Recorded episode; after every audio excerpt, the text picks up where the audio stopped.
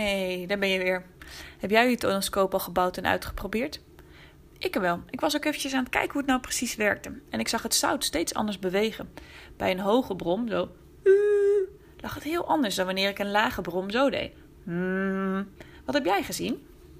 Normaal kun je geluid natuurlijk niet zien, alleen horen. Maar met een tonoscoop dus wel. Dat komt omdat geluid een trilling is. Als je praat, zorg je voor een trilling van de lucht. En als je op een trommel slaat, zorg je ook voor een trilling. Die trilling wordt door de lucht doorgegeven in een golfbeweging. Die trilling kun je met je blote oog niet zien, omdat het heel snel gaat. Maar je kan er dus wel het zout mee laten trillen. En dat zout komt dan in een ander patroon. Een hoge toon geeft weer een andere trilling dan een lage toon. Een hard geluid een andere trilling dan een zacht geluid. Hoe denk jij dat dat komt? Elke toon of elk geluid heeft een eigen trilling en een eigen golfbeweging. Hierdoor beweegt het zout op jouw tonoscoop steeds anders. Probeer het maar eens uit. Tot later!